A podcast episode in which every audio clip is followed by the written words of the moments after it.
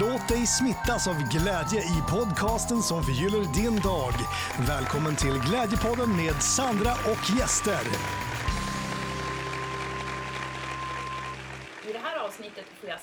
Av en annan poddare, nämligen Nemo Hedén som driver podden Nemo möter en vän och Hedman och Hedén en beroendepodd. Och bland annat genom den här beroendepodden så hjälper Nemo människor som befinner sig eller har befunnit sig i samma situation som han själv har gjort. Och jag älskar att han nu viger sitt liv åt att hjälpa människor att ta sig ur det han själv har blivit fri ifrån. Och är du intresserad av Nemos förflutna och Eh, vill veta mer om hans barndom och beroende och så vidare så kommer jag att eh, länka en, ett poddavsnitt från den här beroendepodden som handlar bara om just det i poddbeskrivningen. Vi kommer också toucha lite av det i det här avsnittet men det intressantaste jag vill veta om Nemo det är vem han är idag. Vad han är tacksam över, vad han har för utmaningar, vad som förgyller hans liv just nu. Eh, jag är också såklart nyfiken över vad poddandet har gett honom som människa. För att jag vet ju själv att man utvecklas och man har väldigt mycket fina möten som påverkar en på ett eller annat sätt. Och sen så vill jag ju såklart också veta vilken fråga han själv tycker är intressantast att ställa till sina gäster. Så jag tänkte i och med det också passa på att ställa den frågan till dig. Vad tycker du är den intressantaste frågan att ställa till en annan människa? Har du något sånt tips så får du jättegärna höra av dig. Mina kontaktuppgifter finns i poddbeskrivningen så kanske jag tar upp någon av dina frågor någon gång framöver.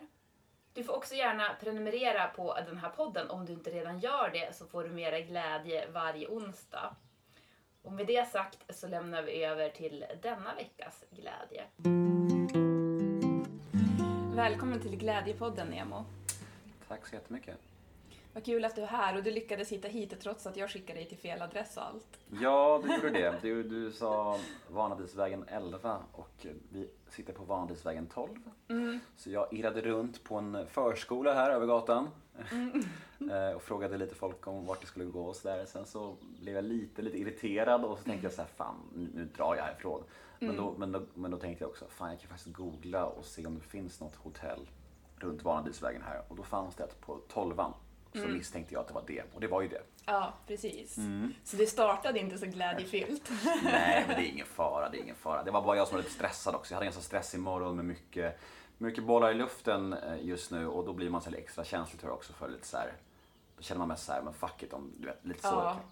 Eh, Men det var absolut ingen stor sak. Nej, men jag vet exakt och jag hatar själv att hålla på och leta. Jag har jättedåligt lokalsinne så att jag är ofta, ganska ofta i den situationen. Mm, jag förstår det. Att hålla på och irra omkring.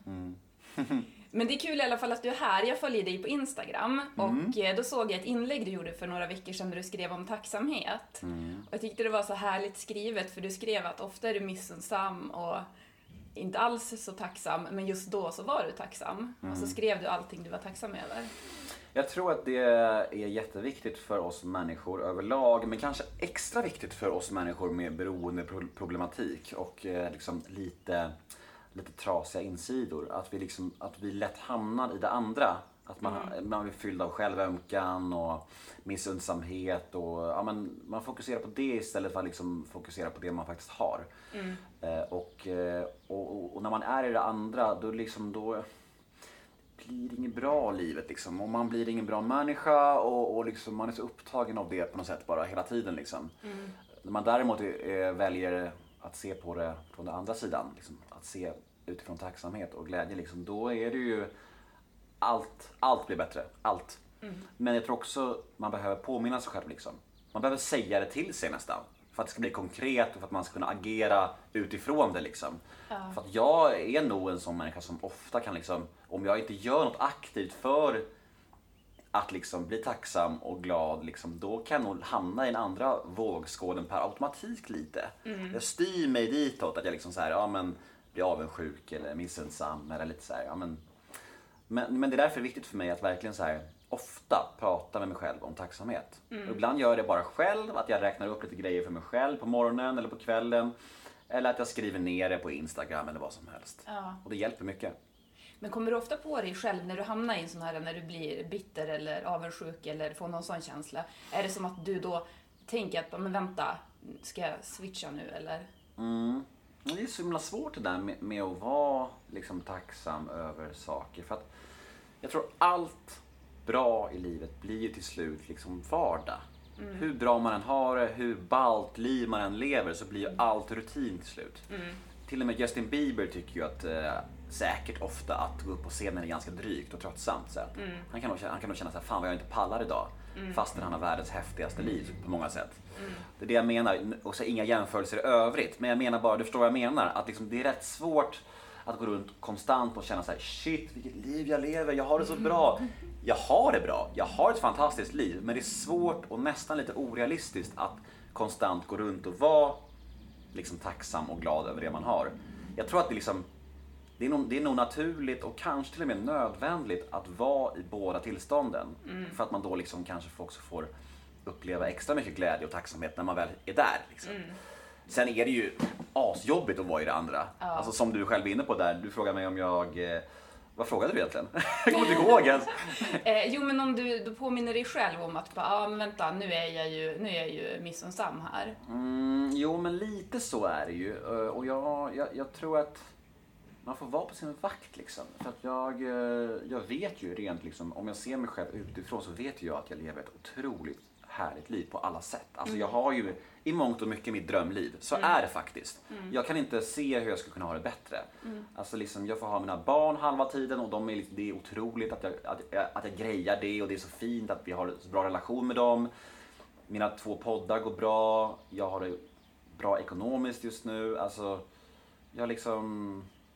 Jag har inga stora bekymmer egentligen. Liksom. Så min bra, hälsa är bra och så här, jag är nykter sedan många år. Och jag, jag vet inte, jag... eh, Så jag behöver liksom räkna upp det då för mig, allt det här liksom. Mm, jag tycker det, jag gillar att höra när du räknar upp det du är glad över. Mm. Jag med, jag gör det. Ja. Eh, Så därför försöker jag skriva ett sånt inlägg också, liksom, för jag tror det kan göra något för andra också.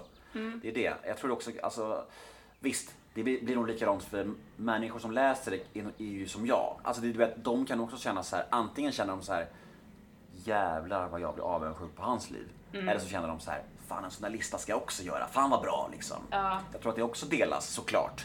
För att människor överlag är ju som vi är. Att man har liksom olika dagar, olika tillstånd vart man är i livet. Ja. Och då blir det liksom så här, ska jag jämföra mig med Nemo nu och känna mig att jag har ett sämre liv än honom? Eller ska jag faktiskt göra en lista för mig själv och, och, vad- det som jag är tacksam över och bli glad över den? Ja. Liksom. Så det är nog lite dubbelt det där. Men det är ett intressant ämne och för det är ju liksom A och O hur man vill, vill må i livet på något sätt. Ja, och jag tänker det att det är ju verkligen nyckeln till att vara lycklig. Att tänka över så här, vad har jag? Vad har jag för förutsättningar? För om jag ska jämföra mig med dig, då kommer jag ju aldrig bli lycklig. Och min själ och mitt hjärta vill ju knappast samma sak som du heller. Nej. att- Nej precis, det, det är ju så. Alltså, så, här, så länge man jämför sig med, med liksom, människor så, så blir det ju väldigt sällan bra. Och det, och det luriga med jämförelse är att man alltid jämför sig med folk som har det bättre. Alltså helst inom samma liksom, område också. Så här, jag kollar på ännu större poddar eller jag kollar på folk som är ja, men, snyggare än mig. Eller jag kollar på folk som liksom, så här, har varit med i de tv-programmen jag vill vara med i. Eller vad som helst. Och så känner jag mig dålig och otillräcklig och bara så här, "Uh, jag är utanför och så här. Istället för att faktiskt, ja, men jag, kan- jag kan ju om, om jag vill känna mig, alltså Alltså jag kan jämföra mig med, med folk som kämpar också och har det svintufft och då lever jag plötsligt världens lyxigaste liv. Det, är så här, det handlar om allt, vem ska jag välja att liksom jämföra mig med? Egentligen inte med någon alls, egentligen. Egentligen ska jag bara här, känna efter själv. Ja. Vad eh, tycker jag om mitt liv? Är jag nöjd och glad över den platsen jag är på? Och så har jag det jag behöver liksom? Och det har jag ju. Och det är ju no- mer nog liksom. Ja. Ja, det är spännande det där. Är, men det är lurigt alltså. Det är ju någonting man får öva på Hela tiden. hela tiden. Hela tiden. Eh, Och jag tror också det är också, finns ett skäl till att just 12-stegsprogrammet som är eh, ja, men för de som inte vet, som lyssnar, det är liksom ett program för missbrukare hur man tillfrisknar ur missbruk eh, i mångt och mycket. Och en del i det är faktiskt tacksamhetslista. Ja. Så det handlar mycket om det. Och, och, och, liksom, och det är ju ganska basic. Och jag, men jag, som sagt, jag tror det behövs ännu mer för folk som kanske har lite brokigare insida på något sätt. Ja. För att folk som är trygga och mår bra i sig själva, de har nog- har nog mer grund, grundlycka lycka och stabilitet inbillar jag mig. Ja. Jag vet inte det här. Jag, jag, det är bara något jag tror. Eh, Medan vi som kanske har lite stök i oss på något sätt så här, eh, vi kanske också hamnar i de här mörka tankarna lättare på något sätt. Jag vet inte. Det är spekulationer bara. Ja, men jag gillar självinsikten ändå. Att det kanske behövs lite extra jobb där. Mm. Ja. Kanske. Och det jobbet pågår och det är i full gång och det kommer, på, det kommer pågå livet ut. Så är det Ja. liksom. Mm. Eh, Och det är någonstans det fina med livet också. Att liksom, eh, jag i alla fall strävar liksom inte efter att bli någon slags helgon eller bli perfekt. Jag strävar bara efter att och, och liksom bli lite, lite bättre hela tiden. Alltså lite, alltså, alltså lite bättre Nemo liksom. Mm. Att få lite mer bukt med mina brister och svagheter eh, lite mer för varje år liksom. Mm. För att perfekt kommer man ju aldrig bli liksom. Men man kan ju faktiskt jobba med sina brister och svagheter och försöka få lite mer ordning på dem. Och det tycker jag att jag får. Eh, ett år i taget. Mm. Vad fint att höra. Ja. Är du snäll med dig själv i den processen också? Eh, väldigt olika. Mm. Jag kan bli jättetrött på mig själv när jag känner att jag liksom beter mig på ett sätt som jag inte vill. Att jag snubblar på mina karaktärsdefekter och liksom så här. Och så kan jag bli arg på mina föräldrar för min uppväxt och hamna in i det där och skylla på dem och mycket sånt där. Jag kan hamna i en slags limbo där liksom. Men då, då, då, då, då beror det oftast på vart jag är i livet liksom. Har jag sovit dåligt? Är jag stressad just nu? Har jag någon konflikt någonstans? Men liksom, det är oftast någonting som skaver lite när jag hamnar i det där. Allt hänger ihop för mig. När, när jag mår bra i mig själv har liksom ordning på mina rutiner och, och livet flyter på. Då hamnar jag inte där. Nej. Då tycker jag liksom att mina föräldrar gjorde så gott de kunde under min uppväxt. Och, och, liksom, och, att, och att jag har också kommit väldigt långt. Liksom. Eh, Så Det där känner jag igen. När man mår bra då bara, ja men jag förlåter allt. Ja, verkligen. Det är så. Och, jag, och, och det där pendlar också jättemycket fram och tillbaka. Jag kan fatta förvirringen för min pappa till exempel. Att jag vissa perioder är arg på honom och vissa perioder så är jag ja, bara en gullig son liksom. Som tycker att han är en kanonfarfar liksom.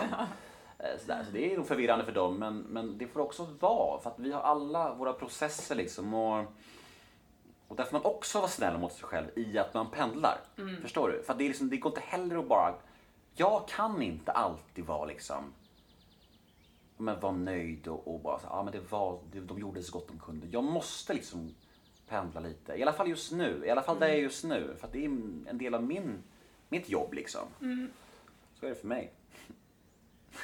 Men du har ju själv två stycken poddar. Nemo möter en vän, den har du haft. Hur många år är det? Ja, det är jättemånga år. Ja. Gud, alltså sju och ett halvt år kanske? Oj, Mm. så pass alltså. 300, 356 avsnitt. Ja. Ja, det är otroligt. Hur kom du på att du skulle starta den? Ja, men det var en idé som föddes. ehm, Jag hade börjat lyssna på liksom de första poddarna i Sverige.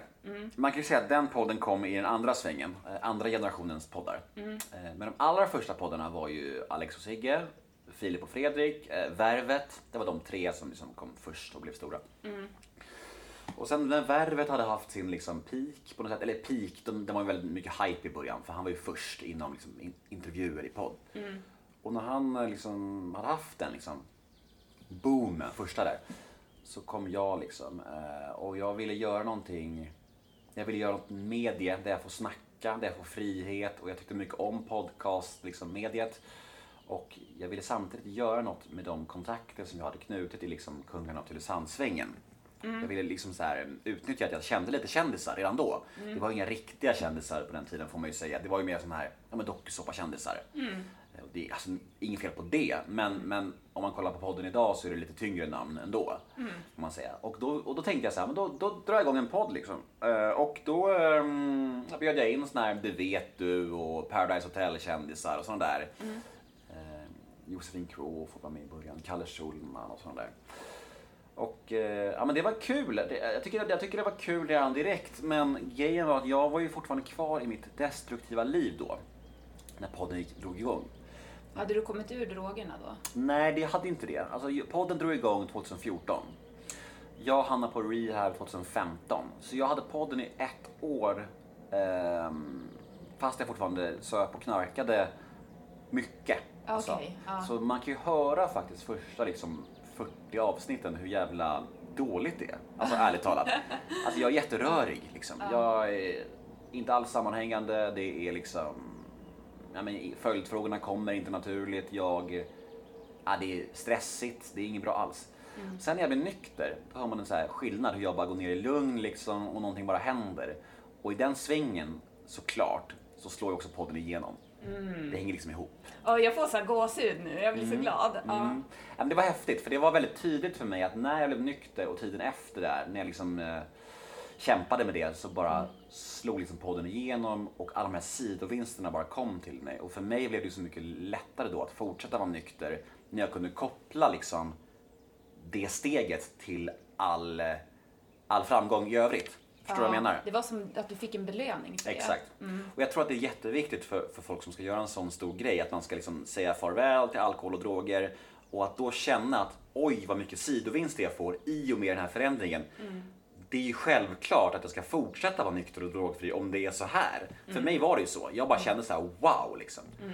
För jag tror inte att jag var helt säker på att jag skulle vara nykter och drogfri liksom livet ut när jag kom ut från rehab. Nej. Då var det mer så här bara, ah, jag gör väl det här ett tag kanske, vi får se hur det blir.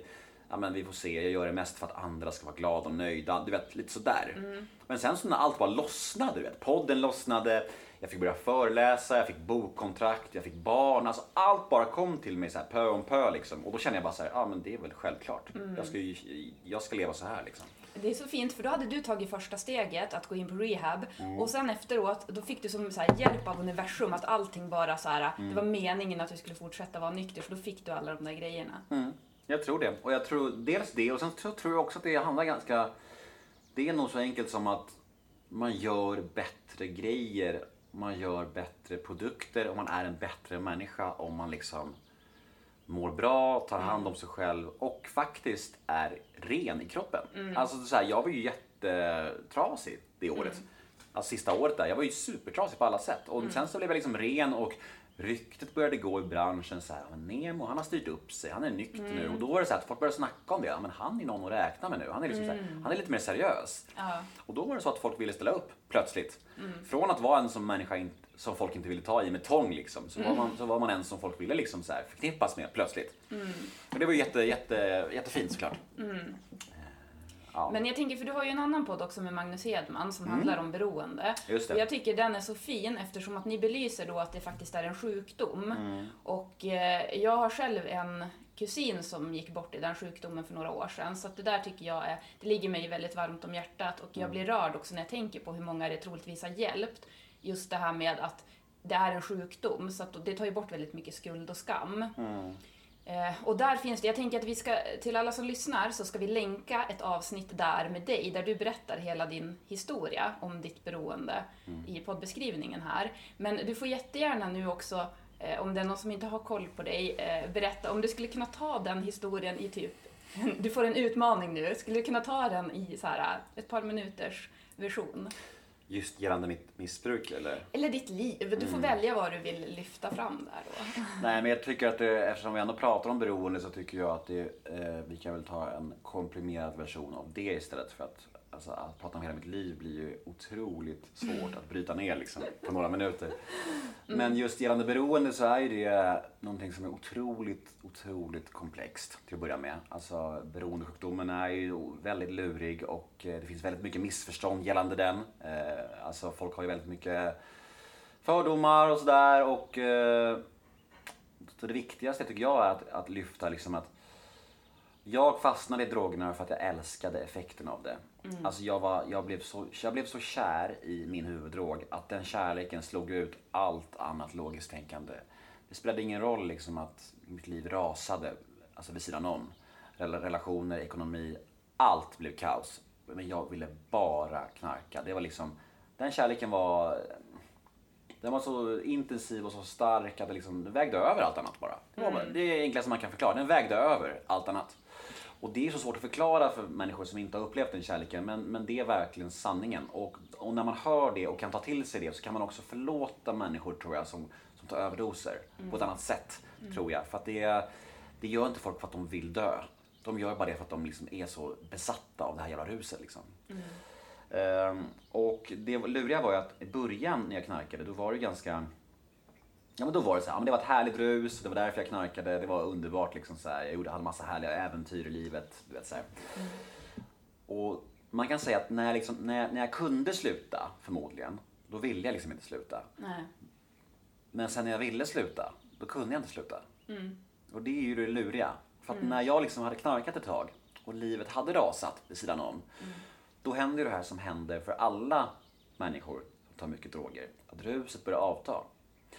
Det är inte lika bra effekt längre. Det är inte lika härligt längre.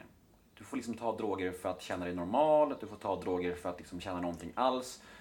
Och då händer den här förvandlingen, att det går från ett underbart rus till att bli en flykt. En flykt från en verklighet du har skapat som du inte vill kännas vid. Alltså, verkligheten är kaos, liksom, som jag räknar upp. Alltså, du vet, Kronofogden, det är, det är domar, det är misär. Och det vill man ju inte kännas vid. Man, vill inte, man orkar inte känna det liksom. Så då Nej. knarkar man ju på grund av det istället. Att man vill fly, man vill inte känna någonting alls. Och då, vill man, och då är man ju fast i det istället. Och så gör man små tafatta försök att kanske sluta då och då. Liksom att, men det är ju så här berget av konsekvenser då som kommer när man kommer ur ruset. Man orkar ju inte det. Nej. Och då är man ju bara så här, ja, men vad är alternativet då liksom? Det är det som är det läskiga liksom. Att, att jag kan förstå att folk blir kära i drogerna och att man känner att det är harmlöst i början. Men den här övergången är svår att märka när man är i det. Det är verkligen det. Och det är det som är så lurigt alltså. Ja. Eh, Och det vill jag ju verkligen säga till alla, till er som lyssnar, att det är, det är därför det är så farligt. För att många upplever det som så otroligt, otroligt härligt liksom. Så var det för mig. Och jag hade ju tur då, eh, att jag kom in på rehab och, liksom, och, och verkligen kunde vända mitt liv. Men många har inte den turen och många knarkar ju tyvärr ihjäl sig. Som din då kusin till exempel. Det är ju tyvärr oftast så det ser ut. Och eh, ja, du nämner vår podd och det alla de historier som folk mejlar till mig ja, på DM eller på min vanliga mail och så här, om, om deras barn som knarkar eller deras partners. Så det är så här otroligt, otroligt mörkt. eh, Statistiken kring beroende och missbruk. eh, Hur det oftast går för folk som är i skiten. Liksom. Därför känns det också ännu viktigare för människor som mig att fortsätta med den här podden och, liksom, och prata om det. Och, reda ut alla missförstånden kring det och, och försöka avstigmatisera allt kring det. Eh, Jobbet är enormt och ibland övermäktigt men jag, eh, jag kommer viga mitt liv åt det här. Och det har Ja. jag bestämt mig för. Liksom. Nu blir jag jätteglad. Vad bra. Men har du någon aning om så här, det, var, det här var anledningen till att jag började från första början? Ja, men, alltså, allra första början att jag inte hade den här spärren som till exempel du har, eller nu gissar jag bara, men som vanliga människor ofta har, att man liksom inte ska ta droger, eh, var ju att jag liksom Dels nyfikenhet, men också för att jag liksom hade hört från andra att det var härligt, men också att jag, att jag liksom mådde dåligt. Jag har liksom alltid mått dåligt hela mitt liv nästan. Haft, lite, haft lite ångest och känt en inre tomhet. Liksom. Eh, Så det var ju det. Jag, sen när jag testade så kände jag bara, okej, kan man må så här? Varför ska inte jag må så här jämt om jag kan må så här? Om jag kan slippa känna det här inre tomrummet, varför ska jag inte göra det jämt? Liksom? Ja. Du vet. Och, och då, då tänker man ju inte långsiktigt, man tänker bara på där och då. Men det var den jag var då liksom. Jag hade inte liksom verktygen att tänka långsiktigt. Så jag var ju bara så att, wow, jag kan må så här. Och så här ska jag må jämt liksom. Jag förstår verkligen att man börjar med droger, för jag vet själv hur det är att må dåligt. Och att då vill man ju bara fly på något sätt. Så att eh, jag är tacksam att jag ändå själv har haft den spärren.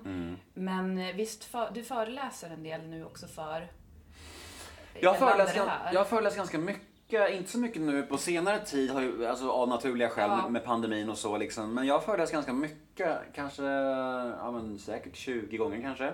Mm. Eh, mest åren 2018 och 19 där. Eh, skitkul. Jag åker runt på gymnasieskolor oftast då, runt om i Sverige och drar min life story. Och då blir det liksom en, en, livet rakt upp och ner liksom. Alltså min eh, uppväxt och barndom som var, som var surprise, surprise, ganska stökig ehm, och rörig liksom. Och sen blir det ja, men skoltiden och Kungen av Tylösand och tiden efter och det Men här. det kan vi också bara nämna. Det är ett tv-program som du var med i. Ja, du visste inte det? Jo, Ja, jag du- vet du det. Men jag ja. tänker för de som lyssnar. Nej, men precis. Det är, det är inte lätt att veta. Eh, nej, men Kungen av Tylösand var en dokusåpa som gick för 11 år sedan. Eh, som var väldigt, väldigt stökig och eh, ja, men det var jag och sju Det hör man nästan på titeln. Jag såg Ja. den inte, men jag... Nej, det hedrar dig. Jag brukar säga det, de som inte, de som inte har sett det hedrar det. Det hedrar dem, brukar jag säga. Eh, nej men, eh, Alltså det var ett program där vi krökade i ett hus på stranden och, och jag var nog värst. Och jag och Joakim Lundell, eh, vi var de enda i programmet som blev lite kända efter. Vi blev en slags duo som åkte runt land och rike och söp och ja, tog droger och låg med tjejer och var bara gränslösa. Ja. Och sen kraschade vi båda två och sen tog vi oss upp båda två. Mm. Fantastiskt slut i alla fall. Får man säga, det får man säga. Ja. Eh, Men absolut, föreläsningarna ligger mig varmt om hjärtat och jag hoppas det kan komma igång igen nu. Eh, Nu är det så jäkla mycket annat så nu har jag inte ens tid med det. Eh, Liksom med alla poddar och barn och intressen och jag ska ta körkort nu i höst också så det är mycket, Ah. det är mycket nu alltså. Men, eh, men ja, till våren ska jag försöka göra ett nytt ryck med föreläsningarna. Det vore kul. Ja. Och du gör ju ett fantastiskt jobb bara genom podden och det är ju verkligen inte bara. Nej. Nej, men jag tycker det är viktigt att, med föreläsningarna att prata om det här, just det, riskerna med snabbt kändisskap och dokusåporna och produktionernas, produktionernas ansvar och så. Det, det är viktiga frågor tycker jag och det tycker jag att eh, jag försöker lyfta i den. Och det blir en bra föreläsning. Det blir liksom hela livet text och mycket missbruk och tillfrisknande och så här. Och, nej, men jag tycker om den. Jag tycker om att prata inför folk och, och responsen har varit otroligt när jag är ute så det är grymt. Mm. Ja, men jag tycker det är jättebra och det är intressant också det här med att det är så många unga som nu vill bli kändis på, av olika Ja, det finns ju, man kan ju bli kändis på många olika sätt, men många kändisar mår ju heller inte bra, så det är ju inte en väg till lycka. Nej, jag kan inte hävda att jag eh, mådde så jättebra under Kungen av Tylösand hösten. Klart jag mådde bra delvis och det var jättehäftigt ju. Men, eh, men jag tror inte att det, må, det måendet jag hade då var nog inte riktigt värt hur jag mådde efter. Alltså. Nej. Det var otroligt tufft att hantera liksom, eh, tiden efter med, med liksom, domar och skandaler och, och liksom kändisskapet som dalade. Och liksom, det, var, det var jävligt jobbigt och det var också då missbruket kom in på allvar när jag liksom inte kunde hantera livet för att det var så jävla mörkt. Jag tror, så jag tror verkligen att så här, snabba kändisskap är man ska vara försiktig med det. Och, och är man inte en människa som har kanske bra förutsättningar liksom på insidan, eh, så stabil, trygg grund att stå på, så kan det rent ut sagt vara farligt att kasta sig in i den världen. Liksom. För att, för att eh, tiden efter är, blir jobbig att hantera om man inte har något att falla tillbaka på. Både det liksom yttre sett, men också inre. Liksom. Ja. Men det här tomrummet, vad skulle du säga till, ja men dels till ungdomar men också till de som lyssnar, just det här med hur fyller man det på bästa sätt? För att droger är ju kanske inte bästa sättet då. Nej, vi får undvika det, det tipset kanske. Ja. Eh, nej men, eh, ja men gud vilken svår fråga. Alltså så här, jag, jag kan ju uppleva att jag än idag brottas med det. Men när jag mår dåligt idag så kan jag ju fly in i liksom, i värsta fall så blir det väl, ja men att jag blir väldigt intensiv på typ Instagram och lägger upp massa där eller köper massa godis eller spelar paddel mm, så här, flera timmar. Eller så här, jag har mina små flyktvägar idag men de är ändå sundare liksom, än alkohol och droger. Förstår du vad jag menar? Jag, tr- så jag tror att man, att man liksom får vara lite snäll mot sig själv där. Att har man det här flyktbeteendet och det här inre tomrummet så kan man ju välja sina flyktvägar på något sätt. Man kan ju alltid kicka på saker i livet och det finns ju mer harmlösa kickar och det finns ju mer allvarliga kickar. Alltså förr i tiden så kunde liksom jag ligga med tre tjejer på en dag och, och ta massa droger och, och, liksom så här, och då var det verkligen så här, det var ju superdestruktivt. Men om jag idag till exempel lägger upp massa stories och äter lite godis, eller massa massa godis då, då är ju det kanske inte så sunt men det är ju ganska långt ifrån det första jag sa liksom. Ja men verkligen. Så jag tänker så här, sen så absolut, alltså det är eftersträvansvärt att hitta balansen, att man aldrig ska behöva fly in i någonting och liksom aldrig behöva känna det här tomrummet. Och jag kan ju känna att när jag mår som bäst i livet, alltså när jag har balans med, jag går på mycket tolvstegsmöten, jag liksom jag tränar mycket, liksom allt flyter på, då känner jag att det här tomrummet liksom är minimalt. Då känner jag att jag liksom är det jag vill. Men precis som vi var inne på i början, alltså jag är en människa som pendlar ganska mycket mellan liksom hur jag mår. Och, då, är, och, och då baseras liksom resten av livet ganska mycket utifrån det. Liksom. Eh, Så ett tips till alla som känner inre tomrum, ja, testa inte droger till att börja med. Ja, för, precis. för det kan verkligen vara förödande i hur hjälpsamt det kan vara mot det här tomrummet. Tyvärr. Det är liksom allvar. Jag tror att har man det här inre tomrummet så är man öppet mål för att hamna i ett beroende. Eh, och försöka hitta andra lösningar. Liksom. Meditation eller liksom så här, intressen eller liksom terapi eller vad som helst. Men ifrågasätta vad egentligen vars tomrummet kommer ifrån också. Ja, Exakt. Och det handlar ju oftast, det är tråkigt nog så handlar det oftast om barndomen liksom och vad man har varit blivit utsatt för och vad man inte har fått. Så här, jag upplever att jag kanske inte fick den ja, men bekräftelsen och, och kärleken och gränssättningen jag behövde som barn. Liksom, och att jag blev bortglömd ganska mycket. Och det gjorde att jag ständigt har försökt att söka mig utåt. Liksom. Att externa saker ska lösa ett internt problem. Liksom. Eh, det är också därför man ofta hamnar i, kan hamna i liksom, frustration och ilska mot sina föräldrar när man inte mår så bra i sig själv idag. Och så där. Och, men vad fan. Det är, jag, jag har ju barn idag själv och jag vet hur tufft det är. Liksom.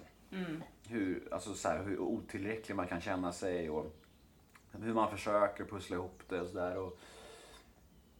Så jag fattar att mina föräldrar kämpade hårt. De hade liksom sex barn. Liksom. Men jag kan ju känna också så här, varför skaffar ni sex barn om ni var, så röriga? Kan jag också, känna, kan jag också känna. Men eh, jag vet inte. Är, man gör så gott man kan. Kly, Ja. Klyschan, klyschan. Ja, ja, men det är ju också den här klyschan att alla vill vi ju bara bli älskade. Det är det vi vill. Det är så. Det är därför vi känner det tomrummet om vi inte känner att vi är älskade. Och, och det är också en sån här grej som att det, komma till det här att man kan ge sig själv den bekräftelsen och förstå att man är värdig och älskad. Men det är ju, det är ju en resa. Ja, men supersvårt det där och, och liksom landa i att den enda bekräftelsen man ska behöva är sin egen. Och det är ju liksom, det är någonting som man verkligen vill nå till.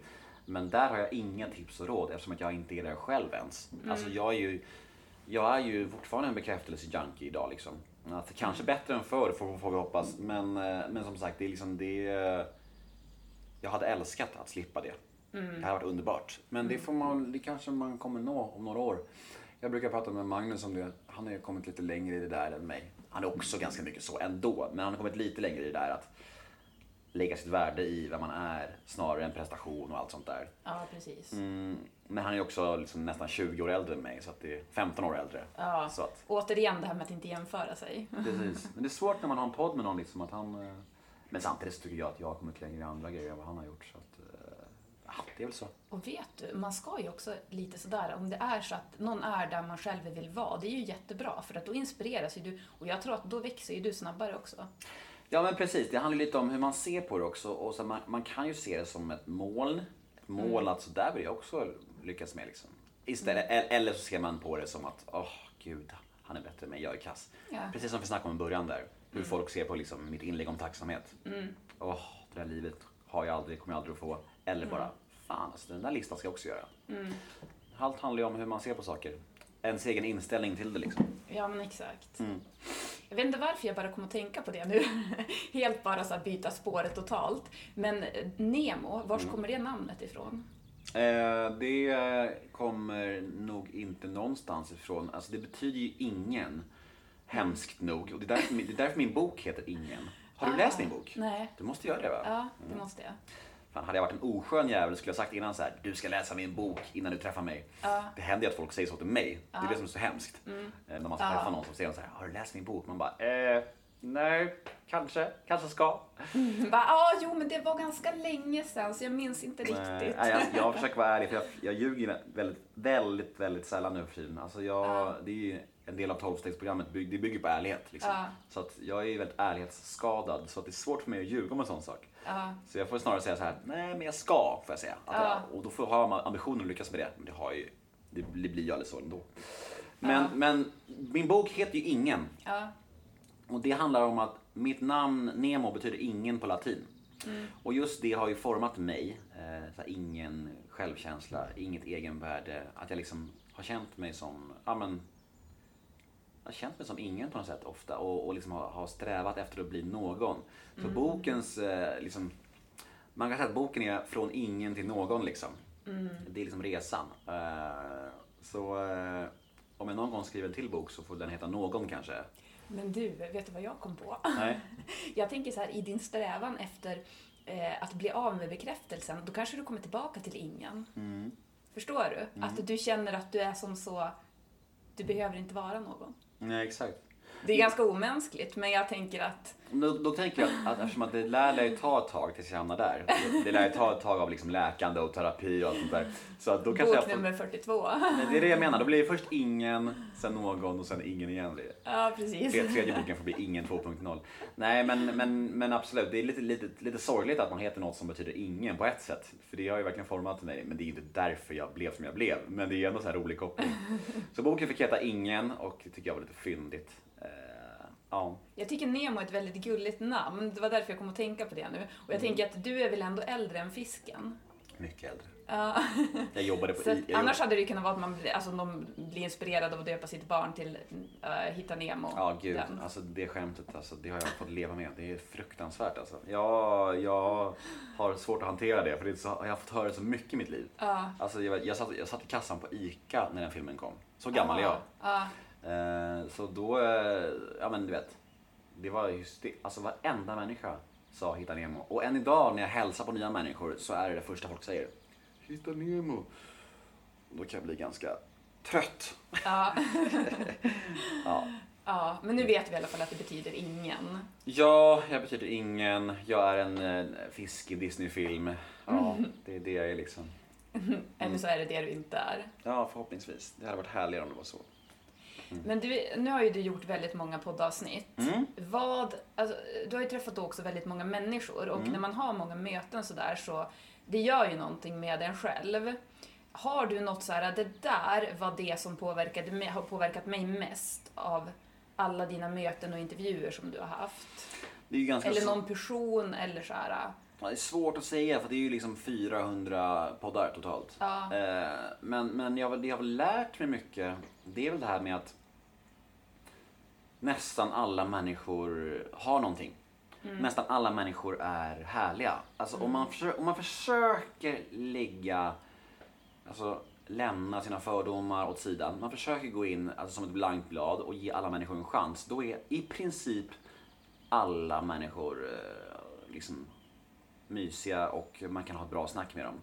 Jag skulle säga att liksom, av de här 400 poddarna så kanske en handfull har jag känt så här.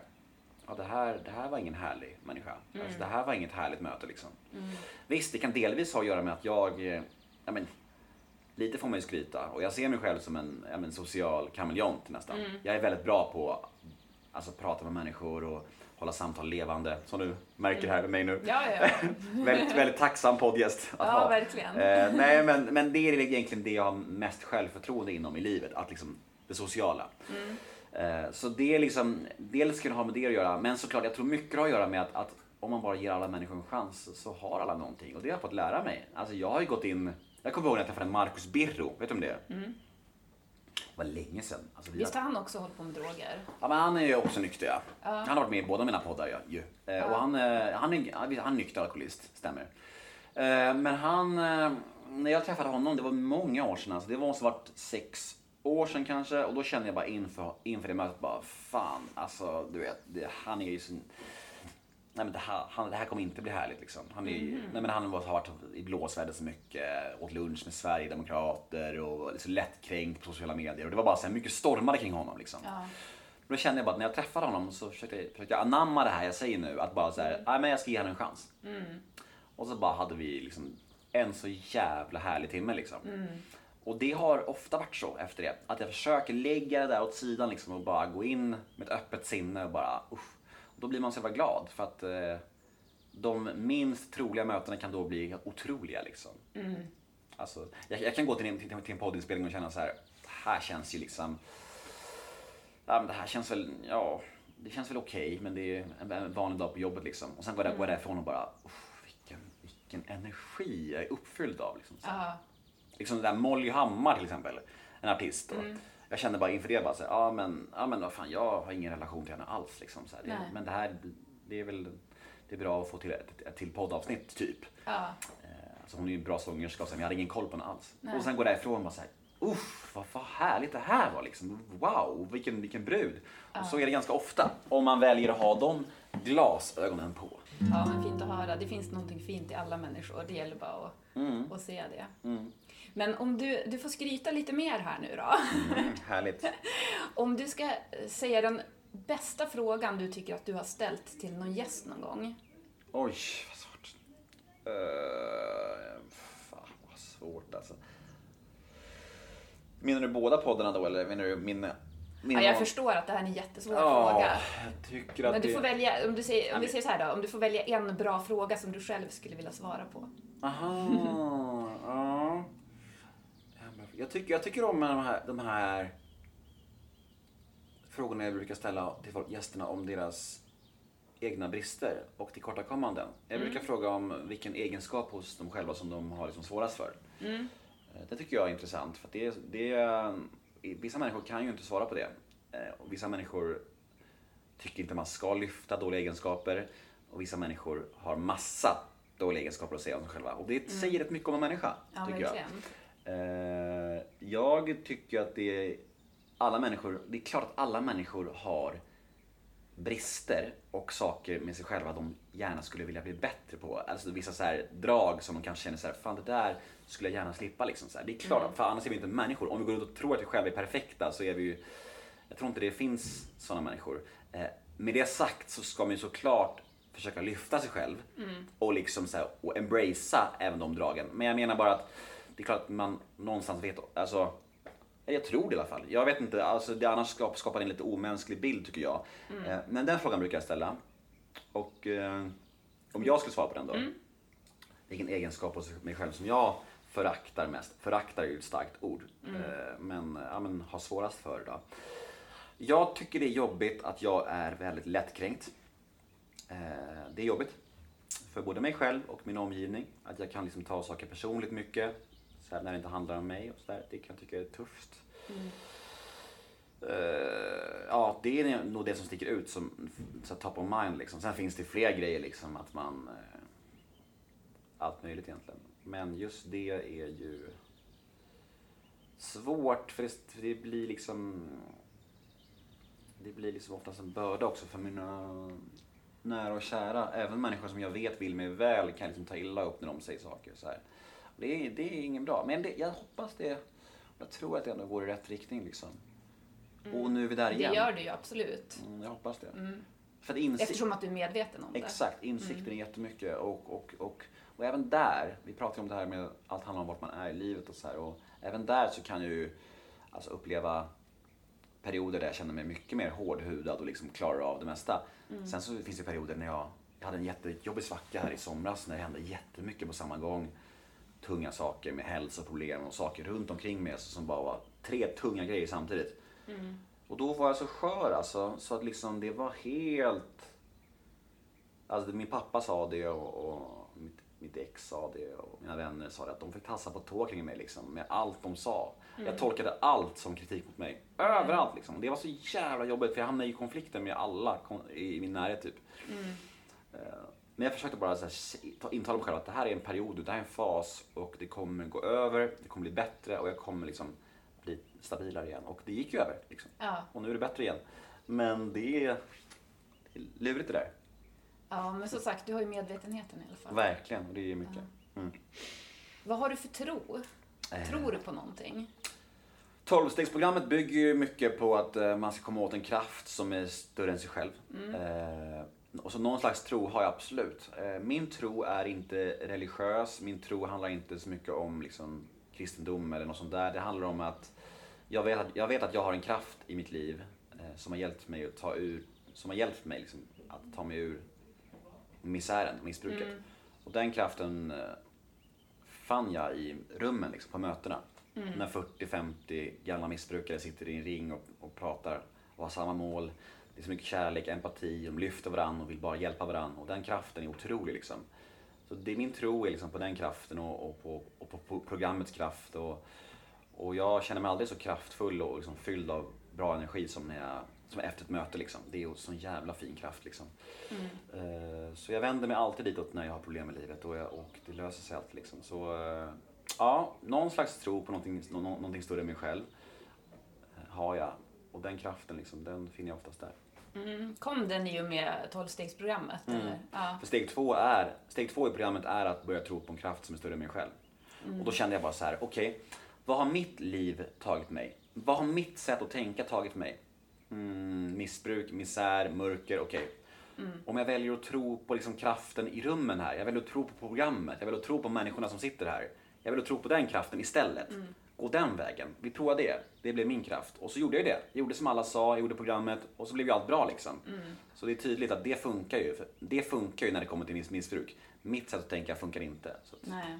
Jag tänker att det också hör ihop med det där tomrummet. så ja, verkligen. Jag, behö- det är det jag menar. Ju mer jag håller mig nära den här kraften och ju mer jag håller mig nära 12-stegsprogrammet så mår jag desto bättre. Och ju mindre vill jag fly in i saker och ju mindre vill jag liksom bota det här tomrummet på något sätt. Det är ju så. Men har du några bra så här, glädjerutiner som du, du brukar köra för att hålla dig lycklig och stabil? Nej, men tacksamhetslistan är ju, alltså den är det viktigaste. Eh, meditation är ju svinbra. Eh, det, jag är dålig på det, men när jag, väl, när jag väl får till det så hjälper det mycket. Eh, träning är ju kanonbra. Eh, försöka hålla en bra kost, tycker jag hjälper mig mycket. Ehm, ja, nej, jag vet inte. Det är typ... Mm. Har du något tips hur man kan sprida glädje till andra? Vi i Glädjefabriken ska dra igång en glädjepandemi här nu snart.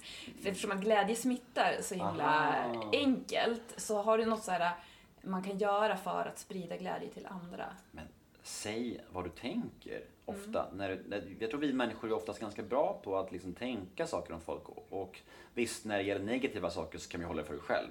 Men när det gäller positiva saker så säg det. Alltså det är bara så enkelt kan det vara att liksom lyfta.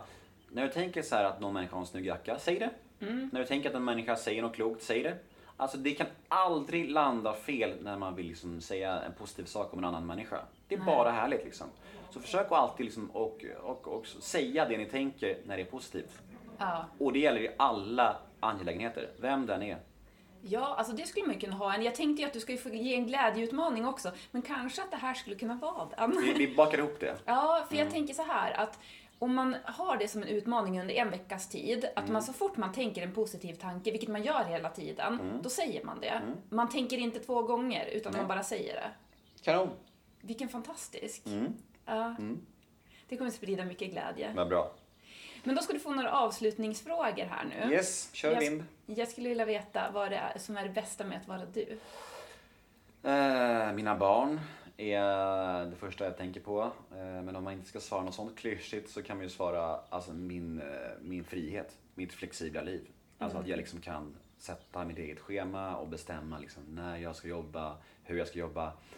Liksom, alltså jag har en väldig frihet trots två barn och trots mycket som fan i livet så är det ganska fritt. Alltså, Som sagt, jag, jag hade möjligheten att dra till Turkiet i helgen i, i tre nätter, bara sådär.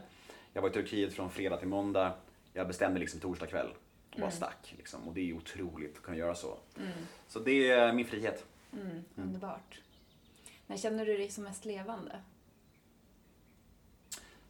Eh, e- efter en riktigt bra poddinspelning eller eh, när, jag, när jag tränar och det, och, det, och det går bra. Liksom. Ja, Typ när jag gör mål i innebandyn eller när jag tar en omöjlig eh, smash i padden eller något sånt här. Då känner jag mig väldigt, väldigt levande. ja. Mm. Underbart. Mm. Hur ska vi sammanfatta det här avsnittet då? Känner Jag tycker vi ska säga att, eh, ja men, eh, ja men jag vet inte. Det var trevligt. Det var mysigt att träffa dig och jag tror att det kommer säkert hjälpa någon där ute. Och har det hjälpt någon där ute så har vi fyllt vår funktion liksom. Ja, men verkligen. Och så Mm. sen så lägger vi dina kontaktuppgifter i poddbeskrivningen. Absolut. Jag länkar till det här avsnittet med dig då. Mm. Eh, och då kan man ju också kolla in den, Beroendepodden. Och sen Nemo möter en vän. Absolut. Och din Instagram. Ja. Är det något mer du vill att vi ska... Nej, om ni vill höra hela min story så finns ju min bok Ingen överallt där böcker finns. Alltså Akademibokhandeln eller Bokus och sånt. Ja, det är ju det jag ska göra då. Ja, men om du vill. Och sen så finns det också som ljudbok överallt där ljudböcker finns och det är jag som läser in den också. Okej. Ja, men det blir säkert bra. Du har en bra röst. Tack. Ja. Mm. Har du någonting du vill tillägga? Nej, Ska vi bara säga sprid glädje då till alla som lyssnar? absolut. Ja. Mm. Och gör tacksamhetslistor. Ja, det tycker jag är jättebra grej. Tusen tack. Tack!